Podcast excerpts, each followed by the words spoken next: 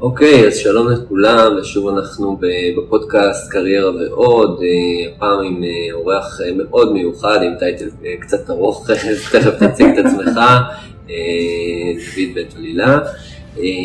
אני שמח ככה לארח אתכם בפודקאסט הזה, ואני אשמח ככה לשמוע מהניסיון של דוד בתחום שלו, ובאמת, בוא דוד תספר טיפה על עצמך ועל הרקע שלך.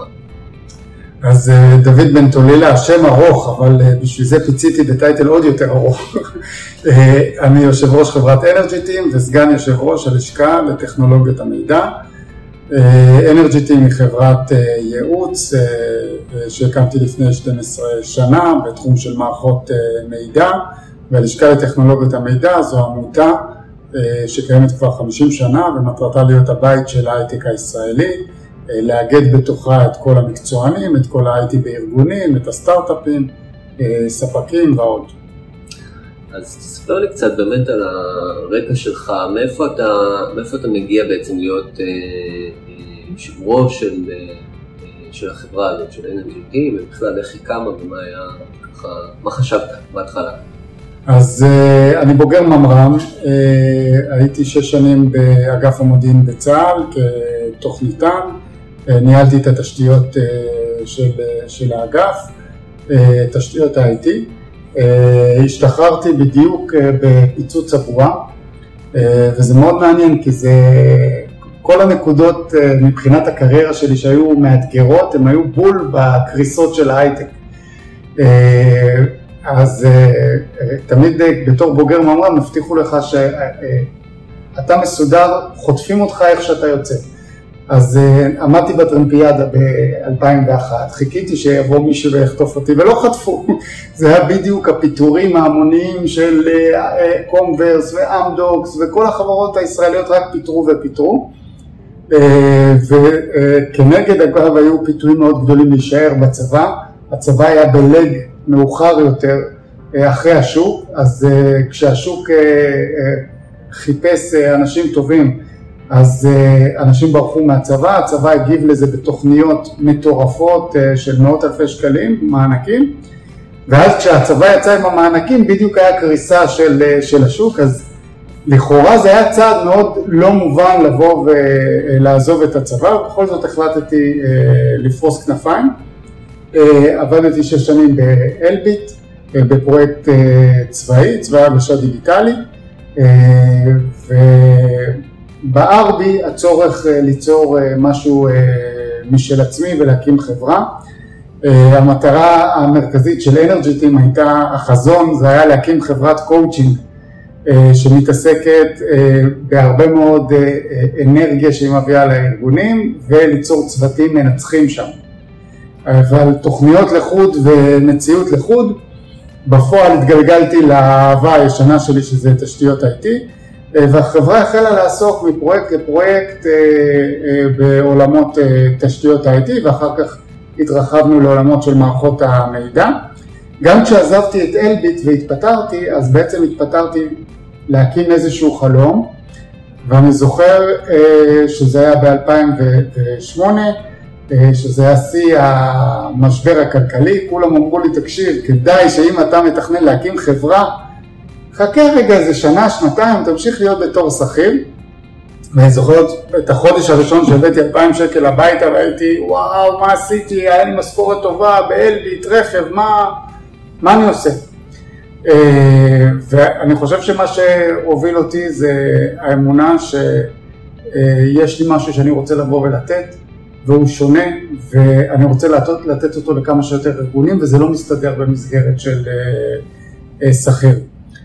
יחד עם זאת אני אומר שמגיל 24 אה, אני עוסק בקואוצ'ינג, באימון וזה אחת מהמטרות שהיה לי ב Energy Team, מטרה שהפכה להיות משנית והפכה להיות יותר ייעוץ לעובדים, ייעוץ ואימון אה, לעובדים שלי ולאנשים שאספתי בדרך מה שנקרא, אני עושה את זה בהתנדבות, בחינם. אה, והרבה אה, מהנושאים שמגיעים לעולם האימון אצלי הם בעולם של אה, קריירה. ואני מוצא את זה מאוד מעניין.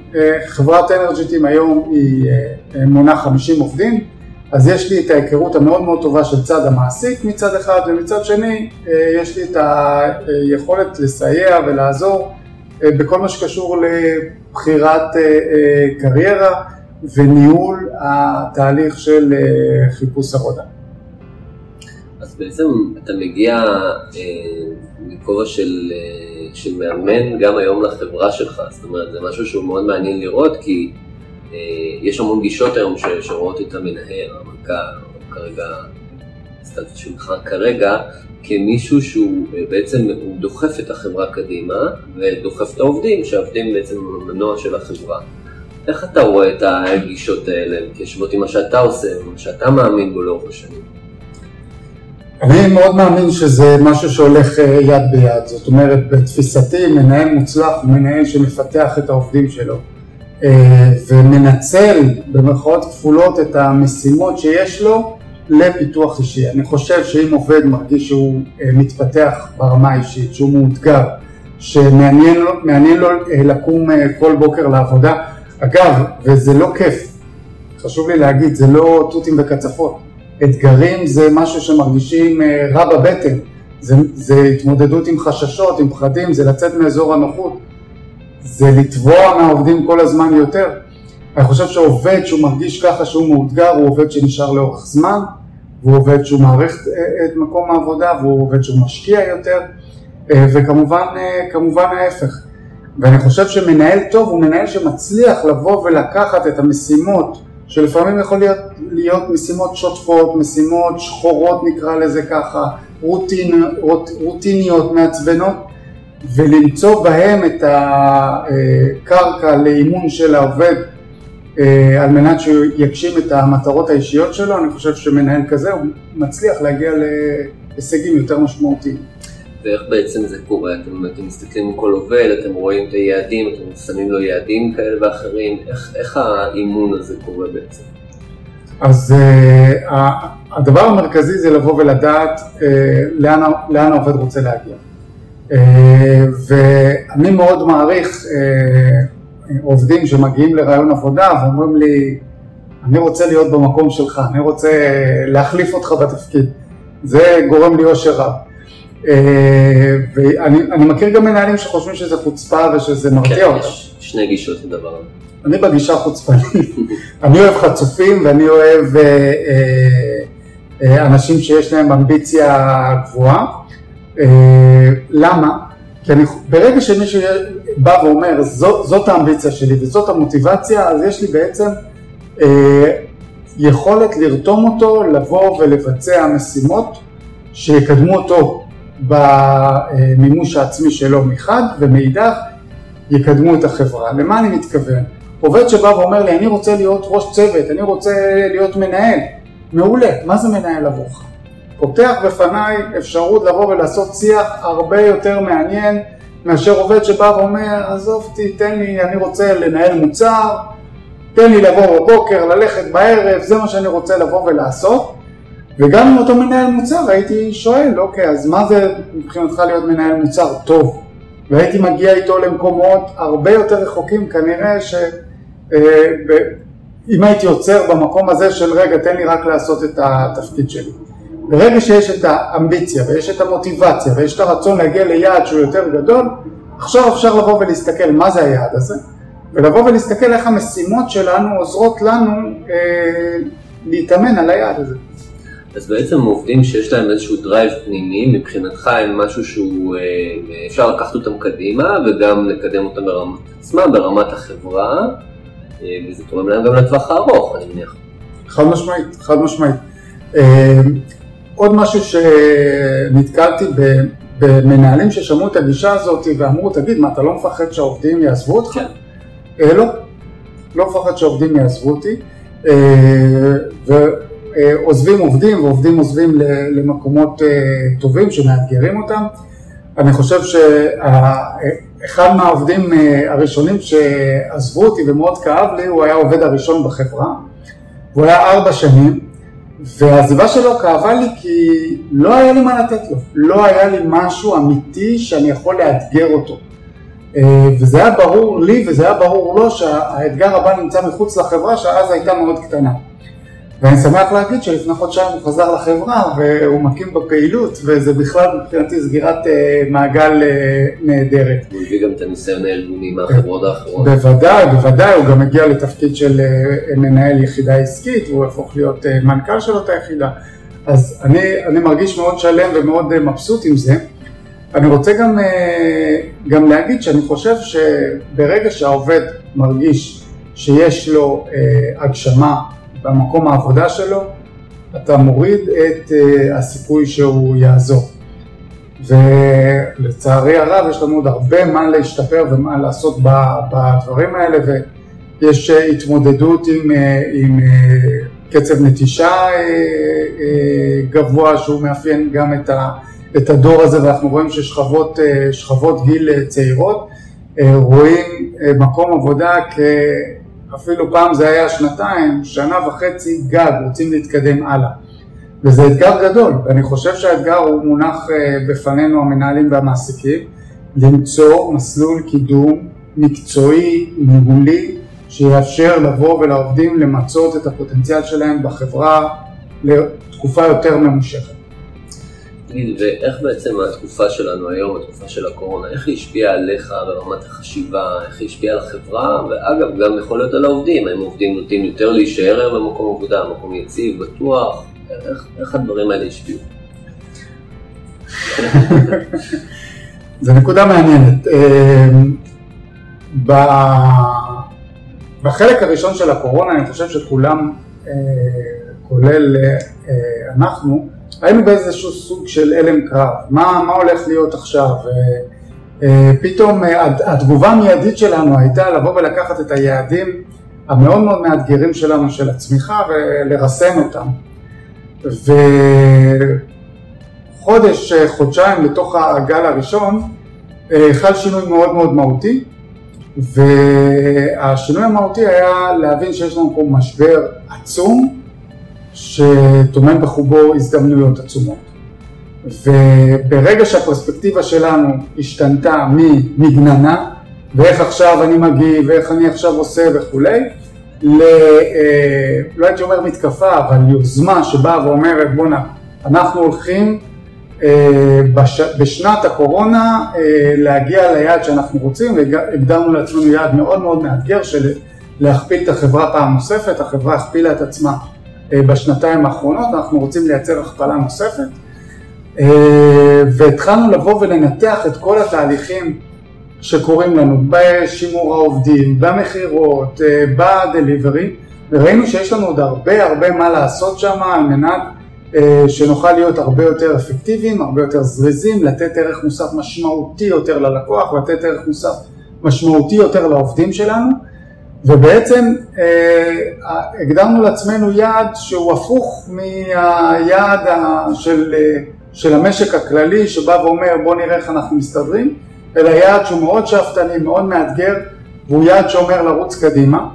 אה, כתוצאה מכך אני רואה גם בצוות הניהולי בחברה עבודה מאוד אינטנסיבית, רעיונות מדהימים, הנבטה של יחידות עסקיות, הנבטה של רעיונות ויוזמות חדשות.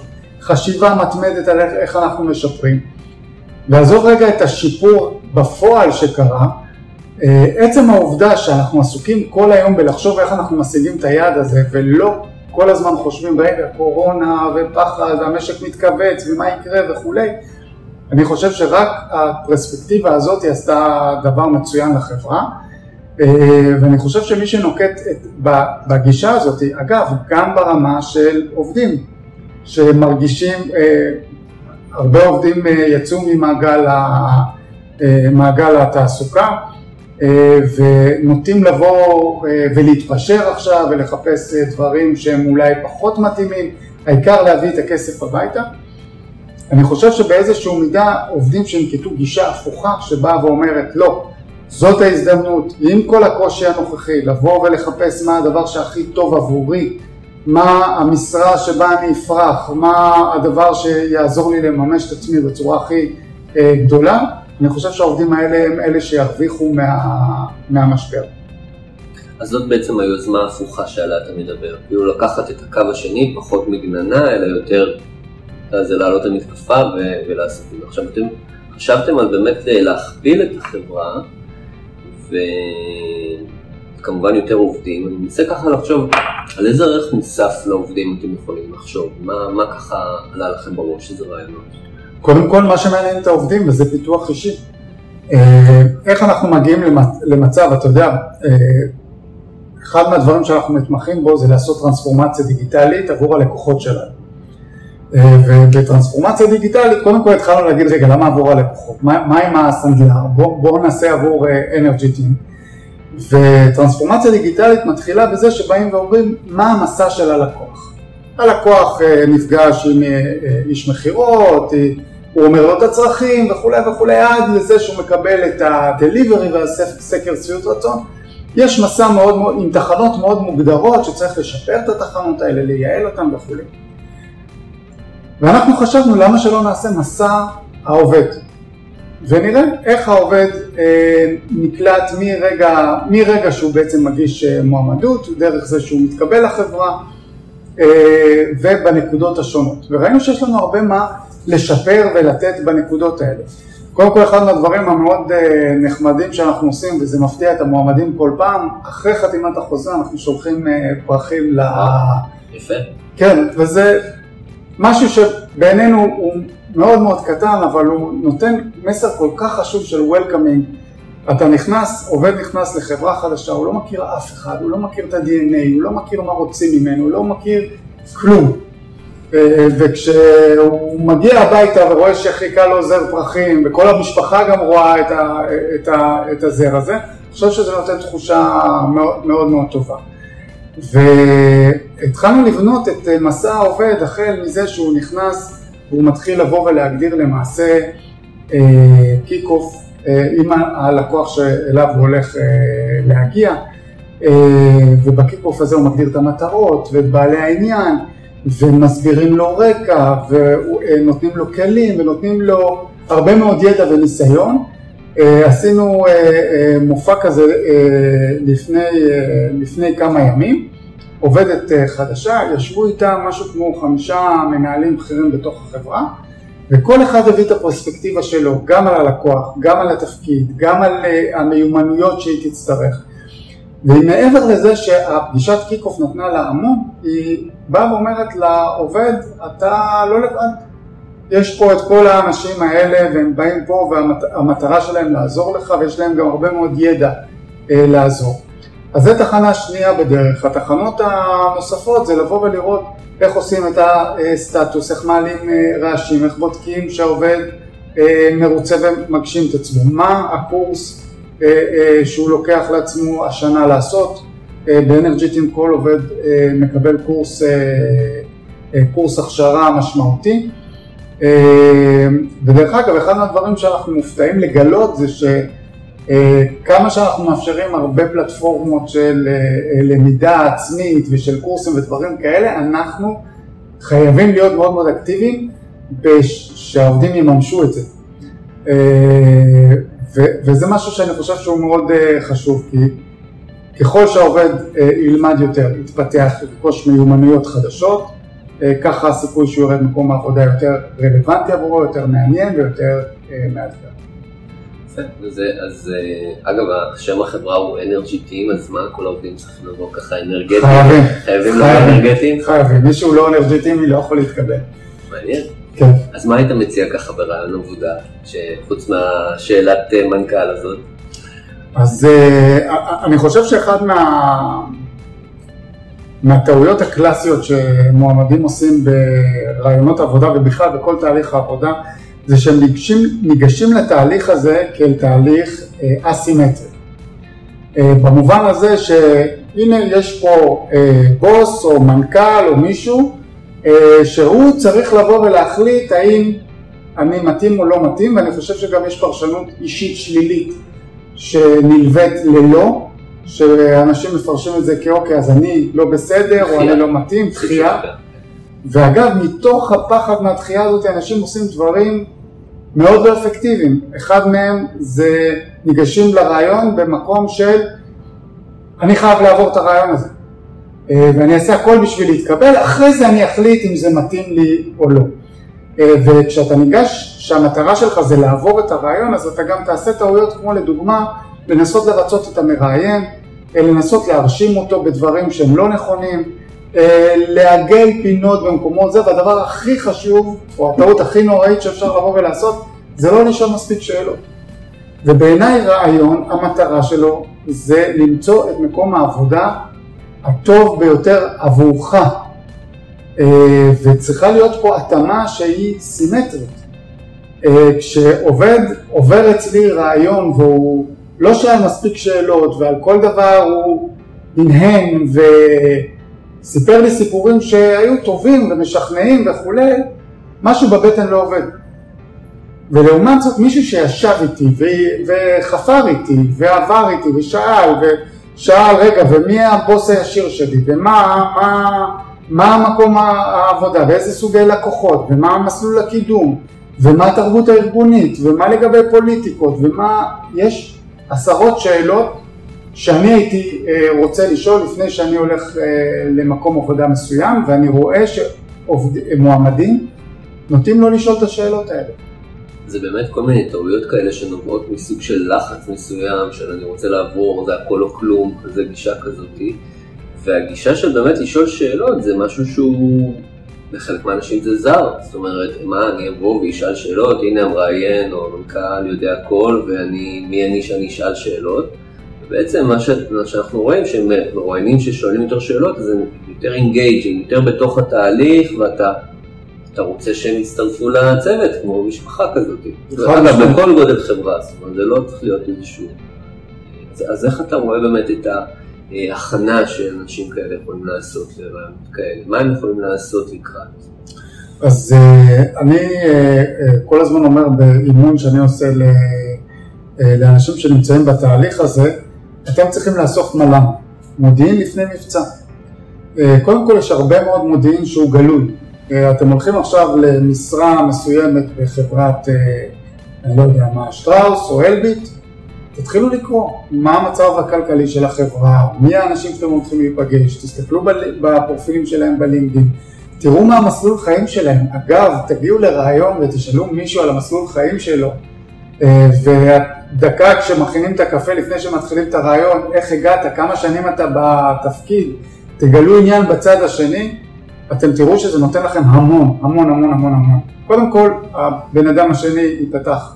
אה, אני מכיר מעט מאוד אנשים שלא אוהבים לדבר על עצמם, אני בוודאי אוהב לדבר על עצמי, אה, ואין מישהו שלא לא מרגיש שכשהוא מדבר על עצמו אז מקשיבים לו והוא מרגיש מוערך, וזה משהו שחשוב לכם לעשות. אגב, לא רק בשביל השמאל טוב, ולא רק איזושהי מיומנות.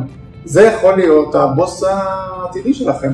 אתם רוצים להכיר אותו קצת יותר, אתם רוצים אה, לשמוע מה ההיסטוריה שלו ומה אה, הוא עבר. אה, עוד דברים שהייתי עושה, הייתי משתמש בקשרים.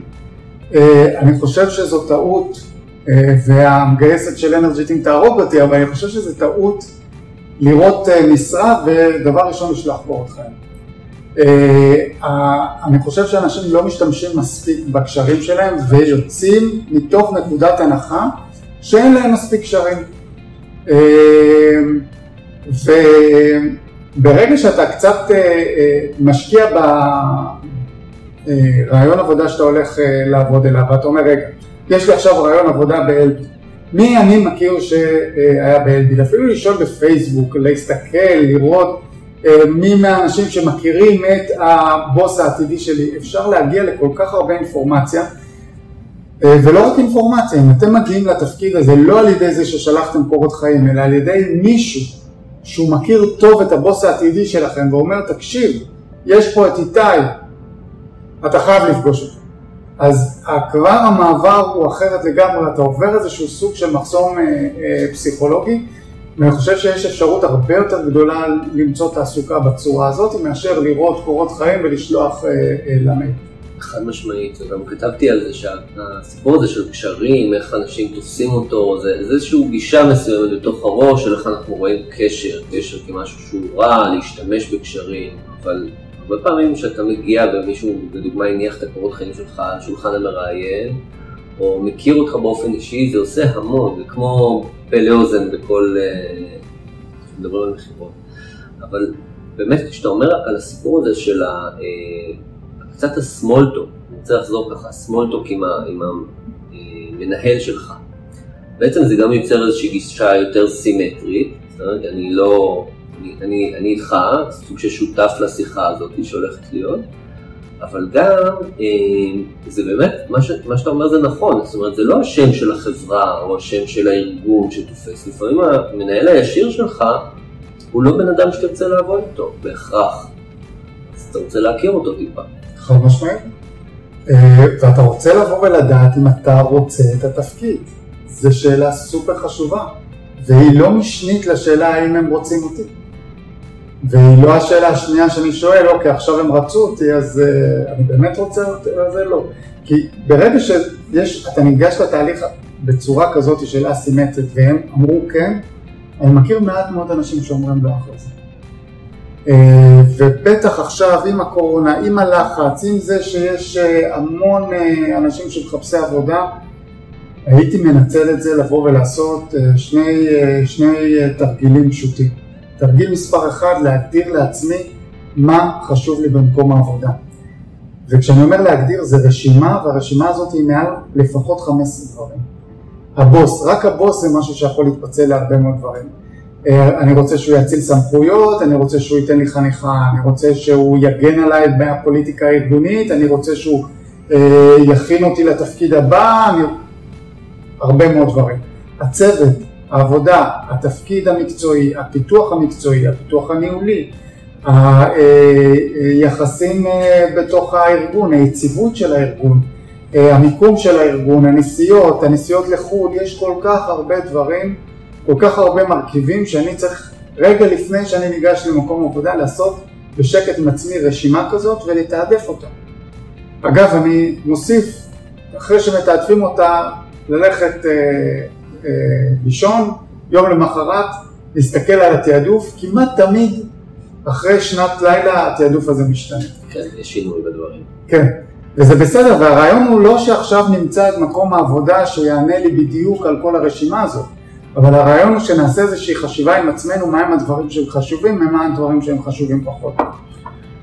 אה, התרגיל השני שאני עושה זה נותן לאנשים לבוא ולהגדיר מה התפקידים שעשויים לעניין אותם אה, לפחות, להגדיר לפחות שבעה תפקידים שונים, שלפחות אחד מהם הוא תפקיד שאתם פוסלים אותו בכל, מכל וכל. אה, ועבור כל תפקיד לאסוף מל"מ. אה, קודם כל, למה אני נותן את התפקיד הזה שנרתעים? סתם לדוגמה, אני שומע הרבה מאוד אנשים שאומרים, אני שונא מכירות, אני בחיים לא אהיה סלזמן, או אני איש מקצוע, או, או ההפך, אני לא אהיה טכנולוג, או אני לא, לא אהיה... אה, אה, איש שנמצא בפרטים הקטנים. ודווקא להכניס אה, תפקיד כזה וללמוד עליו נותן פרספקטיבה הרבה יותר רחבה ומאפשר לנו לעשות את הבחירות שלנו במקום שפתחנו את החשיבה. החשיבה שלנו מאוד מאוד מוגבלת לפי מה שנראה לנו שתפקיד מסוים. סתם לדוגמה, אני מאמן הרבה חבר'ה צעירים מעולם התוכנה, מה בא לכם לעשות? DevOps. לפני שנתיים מה היה בא לכם לעשות? סייבר.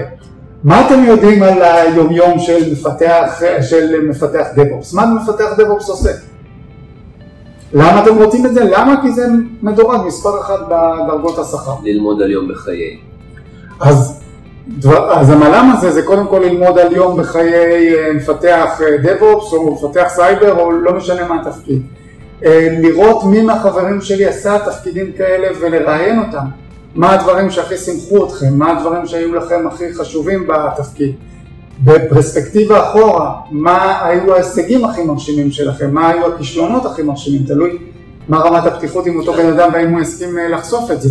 אה, מה הדבר שחזרת הביתה ואמרת יש, ומה אה, כמות העבודה הלא כיפית שאתה נדרש לבוא ולעשות. יש המון המון המון מה לשאול על כל אחד מהתפקידים. ואני חושב שכל מי שעושה תהליך שהוא מתייחס ברצינות למקום העבודה הבא שלו ולתהליך בחירת מקום העבודה הבא שלו, אה, ירוויח מזה שהוא יסתכל וינתח ויעמיק ויאסוף מידע על מגוון רחב של תפקידים ורק אז יבחר מהו התפקיד בעצם הבא שהוא רוצה לממש. אוקיי, אז אני רוצה ככה באמת לקראת סיום לחזור קצת אחורה אליך לקריירה שלך, כי בעצם הייתה לך קריירה מאוד uh, מעניינת, גם באלביט ולעזוב ככה את כלוב הזהב, יש בדיוק ולפתוח חברה משלך. באותם אתגרים שהיו לך לאורך הדרך, uh, גם בפתיחת החברה וגם בגדילה שלה, מה, במה נעזרת? איזה, איזה דברים יצרו לך איזושהי בהירות מסוימת? אם זה באתגרים בתור שכיר, אם זה באתגרים בתור בעל חברה. דיברתי על זה אתמול עם, עם מנהל בחברה שלי. אה, היה איזושהי יועצת פיננסית לפני כמה שנים שהגעתי אליה והתחלתי להסביר לה על החברה ומצאתי את עצמי מסביר לה את כל המשברים שהיו בדרך. אה, ולא כי רציתי לספר לה על משברים, רציתי לספר לה על התפתחויות של החברה, נקודות אה, משמעותיות. ואז אה, הבנתי בעצם של אה, בואנה כל משבר גדול הביא אחריו זינוק מאוד מאוד משמעותי ואני יכול להגיד לך לפחות חמישה משברים מאוד גדולים ב-12 שנה אה, שאנרג'י טים קיימת שכל משבר פשוט הקפיץ אותה שנות אור קדימה. ואז אתה בא ואתה אומר רגע אם, אם כל משבר הוא הזדמנות והוא מאפשר צמיחה זה לא רק סיסמה בטח שזה לא סיסמה, אבל למה כשקורה המשבר אתה לא בא ואתה אומר, יש, איזה כיף, הנה הזדמנות uh, לגדילה. והמשברים שאנחנו חווים אותם הם משברים עם uh, בוקסים לפנים. Uh, אז באותה, באותו רגע אני לא יכול לבוא ולהגיד שאני מלא אופטימיות כן. ואני הכל זה ואני נעזר בכל הדברים. כשאתה חווה משבר, ואני בטוח שאנשים שצופים בנו עכשיו, ובטח בעידן הקורונה, חווים משברים אישיים מאוד מאוד גדולים, אני ממש לא מקל ראש בזה. חלק מ, אה, מהעניין זה לחוות את המשבר ולהיות בסכלט, סלח לי על הביטוי, ולהיות בדאון ובדברים שמרגישים ולהתמודד עם כל התחושות, אה, ובסופו של דבר לזכור מה אתה רוצה לבוא ו, ולהגשים. אה, אני, אני, אני, אני מחייך כי יש אצלנו, כבר לא, אבל בעבר היה דיון אה, אסטרטגי כזה שהיה נקרא אנרג'יט עם לאן, דיון מספר 456. אה, ואתה מבין שכל הזמן החיים הם רצופים משברים והם רצופים ירידות ועליות. אבל בסופו של דבר אם אתה מאוד מאוד חזק עם החזון שלך ועם מה אתה רוצה להגשים, אז גם אם יש נסיגות בדרך, הדרך היא, משמעותית וכדאי לעבור אותה כדי אה, להצליח ולממש את הדברים. אני יכול להגיד לך שיש לנו אה, חזון מלהיב להיות חברה אגדית, בלתי רגילה. חברה שלקוחות אה, לא ירצו לעזוב אותה ורק להמשיך ולהישאר בה, שעובדים ירצו להיות בה ויש לנו עוד המון המון המון מה לעשות ולשפר בדרך הזאת, ברוך השם שלא, שלא הגענו ויש לנו עוד, עוד בשביל מה לקום בבוקר. אה, זהו, אני לא יודע אם עניתי לשאלה הזאת. האמת שענית, זאת אומרת, בעצם מה שאתה אומר זה שהמשברים הם בעצם בונים את ההמשכיות ולאו דווקא רואים את זה בעת הסערה, בזמן בעין הסערה, אבל אחרי זה אתה נוצר איזשהו זיק של תקווה של מקפצה מסוימת, אולי מתוך חשיבה יצירתית יותר, אולי מתוך להסתכל, לבנות, לראות מודלים של אנשים אחרים, אבל אני חושב שגם אתה, בתור בעל חברה, אתה בטח גם עם הזמן אספת גם אנשים איכותיים שגם הקפיצו עוד רמה, זאת אומרת כל פעם היה איזשהו משהו ש... חד משמעית, יש לנו היום צוות ניהולי מטורף לחברה. אגב, זה גם איזשהו משהו, מי... החברה התחילה ב... אה, אפשר להגיד one man show, למרות שאיך שהתחלנו כבר היינו עם אה, עובד נוסף, אבל תמיד רצו את דוד. ולאט לאט הצלחתי להרגיל את האנשים שיש עוד עובדים ו- ו- ונותנים ערך אה, לפחות, אם לא יותר, אה, וחלק מהאבני דרך להתקדם זה היה לייצר אה, מנהלי, מנהלי ביניים. וגם כאן עברנו כמה דורות של מנהלי ביניים עד שהגענו לסיטואציה הנוכחית שיש לנו מנהלי יחידות עסקיות מדהימות. אני חושב שהכי חשוב, יש לנו מנכ"ל שהוא פשוט תותח, רועי פה מתוויית, קיבל את החברה לפני שנתיים וחצי, הצליח להכפיל אותה בשנתיים, פיתח אותה בצורה מטורפת.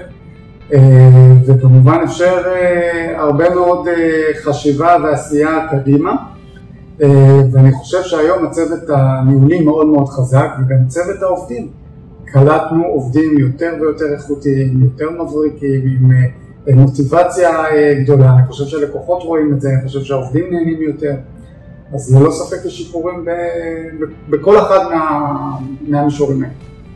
אז אה, באמת ככה מילה לסיום, איפה אתה רואה את האנשים שעכשיו לא, לא במקום עבודה, זאת אומרת הם מחפשים עבודה, הם לא מוצאים עבודה, איזה, איזה דבר אתה יכול לבוא ולומר להם בתהליך, בדרך כרגע, שיזניק אותם אולי ברמה מסוימת קדימה? אני חושב שהמקום שה... האישי שלי שבכל פעם שיצאתי לאיזושהי דרך עצמאית או לחיפוש עבודה נתקלתי במשבר מאוד גדול בחוץ, אה, לימדה אותי מאוד לסמוך על עצמי אה, ולהאמין בעצמי, ביכולות שלי ולדעת שהגלגל מסתובב. אם עכשיו אתם נמצאים בתחושה של משבר ואתגר מאוד מאוד גדול, לא כך יהיה גם מחר. אה, והחשיבה איך אה, מנצלים את המשבר הזה ואיך מצליחים לחדד ולטייב את מה שחשוב לכם במקום העבודה הבא, את מה שאתם רוצים לעשות, את ההגשמה העצמית שלכם, שזה אחד מהדברים הכי חשובים שיש לבן אדם בחיים. אני חושב שאם תחדדו ותמקדו את הדברים האלה, אתם תרוויחו מהמשבר הזה. אני מאמין שכולנו בסופו של דבר נצלח אותו ונעבור ונהיה מחוזקים יותר אחריו. אוקיי, אז אה, דוד, קודם כל אני רוצה ממש להודות לך על הרעיון, על הזמן שהקדשת, באמת הרבה מילים של השראה ותקווה, וככה לראות את החיוך שלך על הבוקר זה גם אה, משהו שיכול להיות אה, ככה מאוד מעודד. ואנחנו סיימנו כאן את הפרק, אני רוצה שוב להודות לך. ואנחנו ניפגש אה, בפרק הבא, ברעיון הבא של אה, קריירה ועוד, הפודקאסט שבעצם נותן אה, גם כלים להתקדמות גם בקריירה, בתקופה הזאת גם הרבה השראה ויכולות ואפשרויות לאנשים להתקדם. וזהו, תודה שהייתם איתנו, שמחתי ככה שהקשבתם לנו בחצי שעה 40 דקות האחרונות. תודה שוב דוד. בכיף, ביי ביי. אוקיי, חבר'ה, אז הגענו לסיומו של עוד פרק, ואם אהבתם, אתם מוזמנים בהחלט לשתף את החברים שלכם ברשתות החברתיות. אנחנו נמצאים ב Spotify, ב Apple Podcast, ב SoundCloud ועוד כל מיני אפליקציות כאלה ואחרות, אתם מוזמנים לדרג אותנו. ואגב, אם אתם עוקבים אחרי הפודקאסט, אז יכול להיות שיש לכם עכשיו רצון להתקדם לתפקיד אחר, אם זה בתוך הארגון, עם מכרזים פנים-ארגוניים, או לעבור לתפקיד הבא, וזה המקום לספר שזה בדיוק הדברים שאני עושה. אני מלווה אנשים בעזרת תהליך ממוקד. לתוצאה עד לתפקיד הבא. אז מי שמעניין אותו הדבר הזה, הליווי הזה, ורוצה לשמוע עוד פרטים, מוזמן להשאיר את הפרטים שלו כאן למטה, ואני אשמח לחזור אליכם uh, בהקדם, לתאם איזושהי שיחת uh, ייעוץ, ואנחנו נשתמע בפרק הבא, פרק הבא של uh, פודקאסט, קריירה ועוד. שמחתי uh, שנתתם לנו ככה הלוויתם לנו את האוזניים לכמה דקות האלה של הפודקאסט, ואני מקווה מאוד שנהנתם. נשתמע בפרק הבא.